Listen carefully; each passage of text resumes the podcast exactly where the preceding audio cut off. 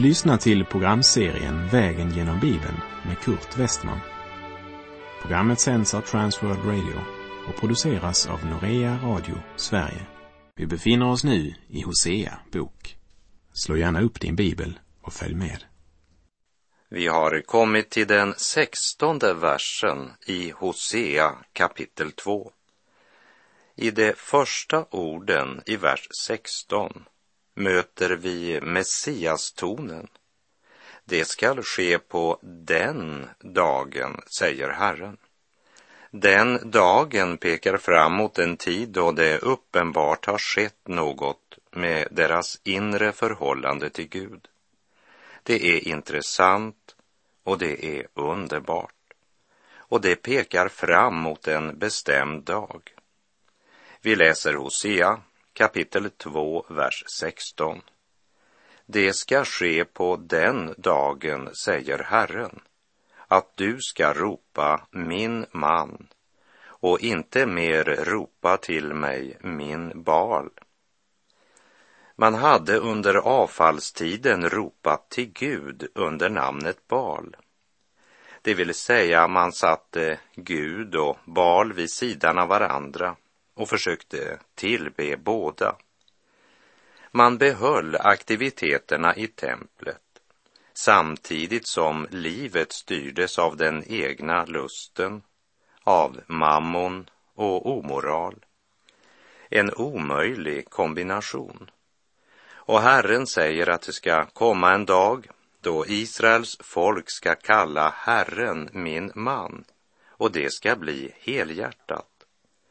Balsropen ska tystna den dagen. Här går mina tankar till orden i Höga visan 6, vers 2, som säger Jag är min väns och min vän är min, där han för sin jord i bet bland liljor. Och när det är relationen i ett äktenskap, ja, då är det också ett lyckligt hem mitt i all vardagskamp. Inte problemfritt, men en relation där de båda parterna mitt i livets alla stormar ser varandra som en del av lösningen och inte som en del av problemet. Det ska komma en dag då folket i Israel ska säga min man om Herren Gud. Och då ska de inte mer ropa min barn. Det talar om ett inre helande. Det handlar inte längre om ett delat hjärta, men om en relation som blivit helhjärtad. Och det är Herren som har gjort det. Herren har gjort Akors dal till en hoppets port. Och Israels folk sjunger som i sin ungdoms dagar som på den dag då man drog upp ur Egyptens land. En ny bekännelse fyller folkets hjärtan och vad hjärtat är fullt av, det talar munnen. Herren använder bilden av ett äktenskap där kärleksrelationen fungerar. Där man står tillsammans i kampen för ekonomin, där man inte söker sin egen lycka utan den andres, där man är trygga på varandra och där barnen får växa upp i denna trygghet. Och jag talar inte om något fullkomligt eller perfekt, men om en kärleksrelation som fungerar mitt i all ofullkomlighet. Det är underbart att ha den relationen till Gud med den skillnaden att han är fullkomlig. Och där den kärleksrelationen till Gud finns, så säger Paulus i Första Korinthierbrevet 3, verserna 21 till och med 23. Därför ska ingen berömma sig av människor, eftersom allting är ert. Det må vara Paulus, Apollos eller Kefas, det må vara världen, liv eller död, nutid eller framtid. Allting är ert. Men själva tillhör ni Kristus och Kristus tillhör Gud. Hosea 2.16 talade om att de inte mer skulle ropa min Bal. De hade tagit både Guds och Bals namn i sin mun eftersom deras hjärtan var delade.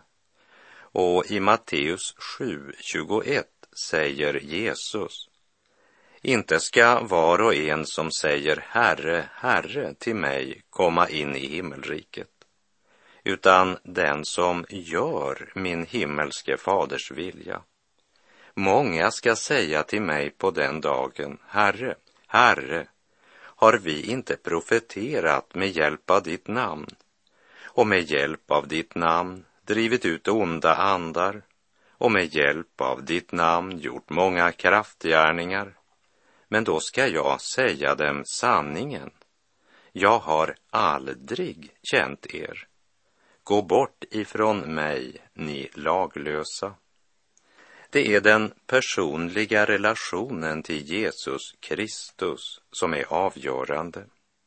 Frågan är densamma än idag som då Jesus frågade Simon, Johannes son, älskar du mig?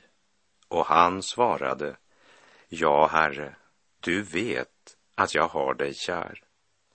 Vi läser Hosea 2, vers 17. Balernas namn skall jag ta bort ur hennes mun, så att man inte mer skall komma ihåg deras namn. Det är inte bara sättet att tala som har förändrats. Det har skett en inre förvandling. Man tänker inte mer på balsgudarna. Man kommer inte mer ihåg deras namn. Deras nya bekännelse bryter fram på ett sådant sätt att det inte längre är plats för den gamla. Man har insett att det är ett antingen eller. Kompromissandets tid är förbi. Det är slut på avgudsdyrkan. Nu är Herren deras Gud, både när det gäller hjärtats tro och munnens bekännelse. Vi läser Hosea 2, vers 18. På den dagen ska jag för deras räkning sluta ett förbund med djuren på marken, med fåglarna under himmelen och med kräldjuren på jorden. Båge och svärd och vad som hör till kriget ska jag bryta sönder och skaffa bort ur landet och låta dem bo i trygghet. På den dagen, det är alltså en framtidsprofetia som pekar fram emot den tid profeten Jesaja talar om i Jesaja 11, vers 6. Vargar ska bo tillsammans med lamm leoparder ligga bland killingar. Kalvar och unga lejon och gödboskap ska vara tillsammans och en liten pojke skall valla dem. Guds ingripande skapar inte bara frid och harmoni mellan människor, men också djurvärlden och växtligheten kommer att vara berörda när Herren beskyddar både mot lekamliga och andliga fiender. När djävulens, världens och köttets makt är övervunna av nådens Gud, då är det trygghet som råder. På den dagen, ja, vår framtidsdag är ljus och lång. Att få vara försonad med himmelens Gud att få vara iklädd hans rättfärdighetsgrud, att få äga Guds frid i sitt hjärta alltid. Det är nåd, ja, underbar nåd.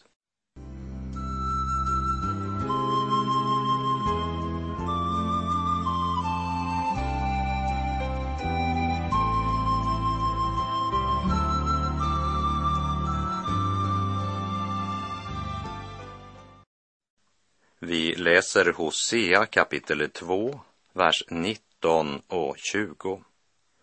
Jag ska trolova mig med dig för evig tid Ja, jag skall trolova mig med dig i rättfärdighet och rätt, i kärlek och barmhärtighet. Jag skall trolova mig med dig i trohet, och du skall så känna Herren. På vilket sätt ska Gud trolova sig med Israel? Jo, i rättfärdighet och rätt, i kärlek och barmhärtighet. Som du ser så finns barmhärtigheten även i det gamla förbundet. Precis som vi kan se kärleken och omsorgen också i lagen, så har även kärleken en lag. Och det gäller även relationen till Gud. Och ingenstans, varken i gamla eller nya testamentet, framställs livet i Gud som en kravlös gemenskap, utan Jesus, han talar om att beräkna kostnaden. Men i detta nya trolovningsförhållande är initiativet helt uppenbart Guds. Jag skall, säger Herren. Inte nog med att han tar tillbaka den otrogna kvinnan som bedragit honom. Men Herren upprättar kvinnan på ett sådant sätt att det som ligger bak utplånas. Det gamla finns inte mer. Gud har gjort något nytt. Så totalt nytt och så fullkomligt att den nya trolovningen sker som om hustrun skulle vara en jungfru. Och det är en av orsakerna till att jag inte tror att Israels nuvarande återvändande till landet är en uppfyllelse av denna profetia. För denna profetia, den talar om den dag då Gud ska föra henne tillbaka i rättfärdighet och rätt, i kärlek och barmhärtighet. Och det är inte den andliga situationen i Israel just nu. Men den dagen ska komma, det säger Guds ord. Avgudadyrkan och omoral flödar ännu starkt i Israel och de är avfälliga i relation till den helige, precis som kyrkan är idag. Men Gud gör något nytt. Jag ska trolova mig med dig i trohet och du skall så känna Herren. Det är inte situationen i Israel idag. Men lyssna nu, kära vän, och hör vad Guds ord säger i Hosea 2, verserna 21 och 22. Och det ska ske på den dagen att jag ska bönhöra, säger Herren. Jag skall bönhöra himlen och den skall bönhöra jorden. Och jorden ska bönhöra säden, vinet och oljan, och det skall bönhöra Israel. Efter bedrövelsen i Akors dal följer nu den andliga trolovningen. Och här vill jag citera vad Paulus skriver till de troende i Efesus i Efesebrevet 5, verserna 29 till och med 32. Ingen har någonsin hatat sin egen kropp, utan man ger den näring och vårdar den, så som Kristus gör med församlingen, eftersom vi är lemmar i hans kropp. Därför skall en man lämna sin far och sin mor och hålla sig till sin hustru och de två skall vara ett kött. Denna hemlighet är stor. Jag talar om Kristus och församlingen. Kristi rättfärdighet är den grund som trolovningen vilar på. Och Gud säger att han ska höra bönerna. Därmed stadfäster han att allt gott kommer från honom. Förbannelsen och domen är borttagna.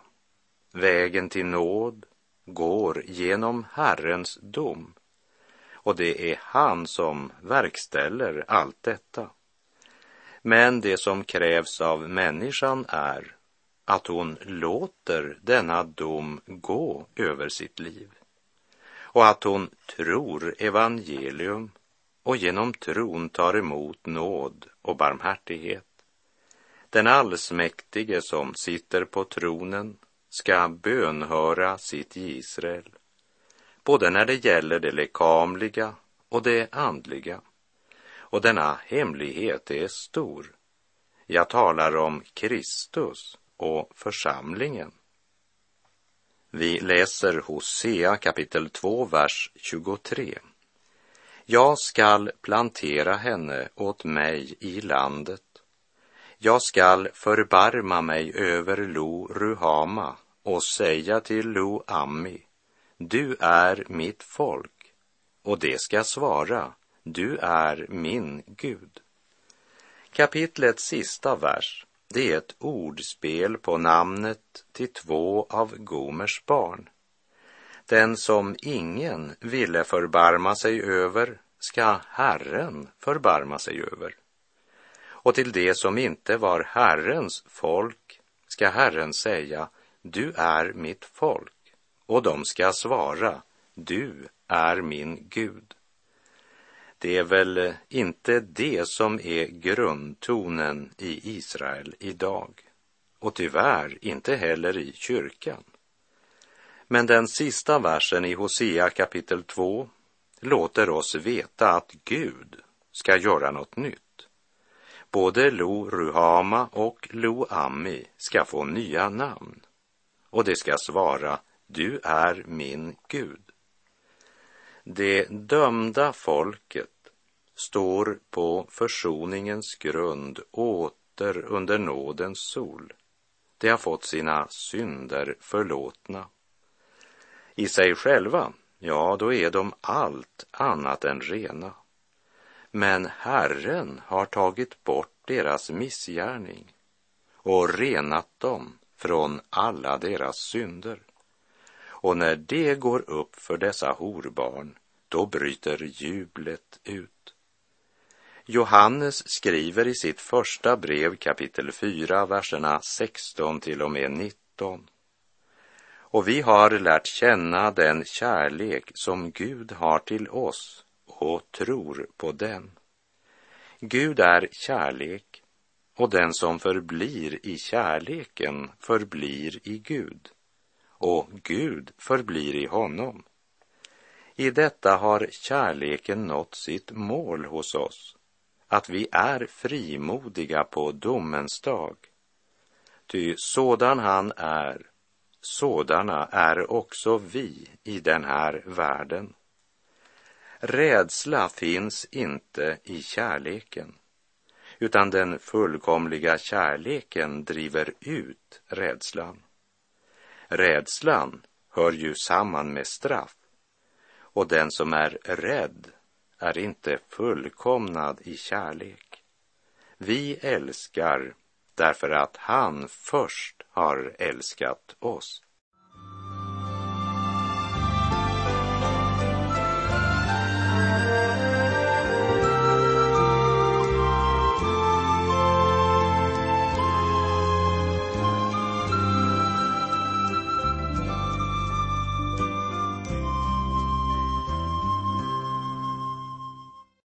Hur eh, fullkomlig och hur gränslös Guds kärlek är, det kan vi inte förstå. Men genom den order Hosea får av Gud anar vi både hur oförtjänta vi är att få äga Guds kärlek och att Gud älskar den djupast fallna. Och vi anar något av smärtan och förödmjukelsen för Hosea och hur obegripligt det är att Gud älskar det fallna människosläktet så högt. Efter allt Hosea hade varit igenom skulle man vänta att Gud hade sagt, nu får det vara nog. Du kan bara glömma Gomer. Hennes hjärta har aldrig tillhört dig hon har länge nog varit dig otrogen. Hon har inte längre en hustrus rättigheter. Men vad säger Gud till profeten? Hör vad som står i Hosea 3, vers 1. Herren sade till mig, gå och älska din hustru igen, fastän hon har en älskare och har begått äktenskapsbrott. Älska henne som jag, Herren, älskar Israels barn, fastän det vänder sig till andra gudar och älskar druvkakor. Druvkakorna, det pekar på de ceremonier som förekom när man offrade åt kananéernas gudar. Vid deras offerfester så bar man fram dessa druvkakor som en del av sin tillbedjan av dessa avgudar. Och det är som om Herren säger till Hosea. Tänk på din hustru som du älskar, men som föraktar din kärlek och varit otrogen mot dig. Men trots allt hon gjort ska du ta henne tillbaka. Inte för att hämnas, men för att ge henne all din kärlek. Nu kanske du förstår hur jag känner det, säger Herren. För det är ju just det jag ska göra med mitt folk. Israel har svikit Gud och levt i andlig prostitution och jag ska döma dem för deras synd och genom detta föra henne tillbaka till mig igen. Så domen är inte hämnd, men en absolut nödvändig kärlekshandling. Jag ska ge dem min kärlek. Jag måste säga att jag beundrar profeten Hosea Även om jag tror att han verkligen älskade sin Gomer så är det ganska otroligt det han nu gör. Han utsätter sig verkligen för chansen att bli både djupt sårad och besviken igen. Och jag tror att det avgörande för Hosea, det var att det var Gud som sade. Hosea är en man som förkunnar Guds vilja, både i ord och i gärning. Här går mina tankar till något som Paulus skriver i Första Thessalonikerbrevet 1, vers 5. Vårt evangelium kom till er inte bara i ord, utan i kraft och den helige Ande och gav full visshet. Ni vet ju hur vi uppträdde bland er och vad vi gjorde för er. Gå och älska din hustru igen, fastän hon har begått äktenskapsbrott, var orden Hosea fick. Vi läser Hosea 3, vers 2. Och jag köpte henne åt mig och gav för henne femton siklar silver och en homer och en letek korn. Mannen som blivit sviken är inte bara beredd att öppna sin famn för den kvinna som så brutalt har svikit honom, men han är till och med redo att betala för att friköpa den kvinna som han egentligen redan har rätten till. Men att synden degraderar människan, det ser vi av det pris han betalar. 15 siklar silver, det vill säga hälften av vad man betalade för en slav. Gomer hade övergivit honom, trampat på hans kärlek och i förakt för äktenskapslöftet hängett sig åt prostitution.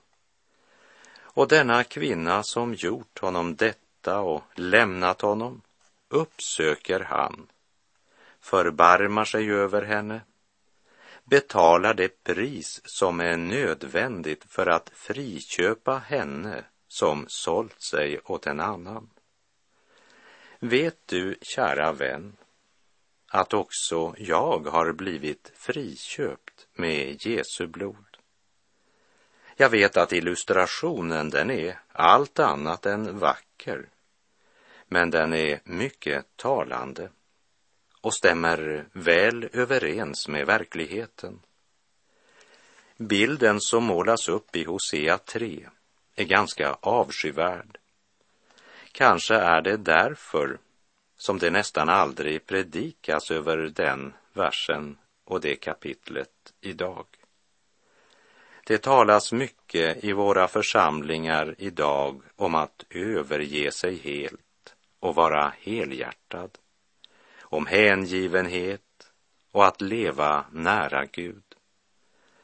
Men det första som måste ske, det är att vi måste vända om från vårt avfall, bekänna våra synder inför Herren det vill säga komma till honom som syndare. Han är ute och söker. Vad är det han söker? Han söker bruden som blivit en sköka. Han har betalat lösensumman. Det kostade honom allt. Femton siklar silver och en homer och en letek korn betalade Hosea. Gomer var inte värd det, säger du kanske. Nej, men just det är kärnan i budskapet i Hosea 3. Men låt oss glömma Gomer för ett ögonblick. Nu är det dig det gäller. Och hör vad Petrus skriver i sitt första brev kapitel 1, vers 18 och 19.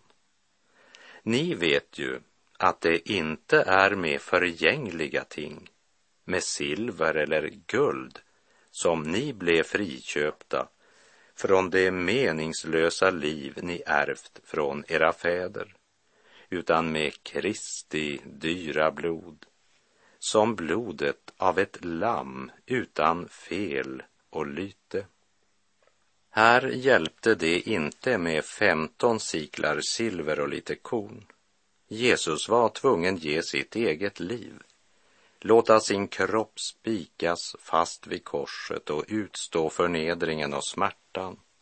Han måste ge sitt eget blod för att du skulle förlossas. Varför? Därför att vi är förlorade syndare sålda under synden. Men förlossningen är vunnen och fågeln kan bli fri.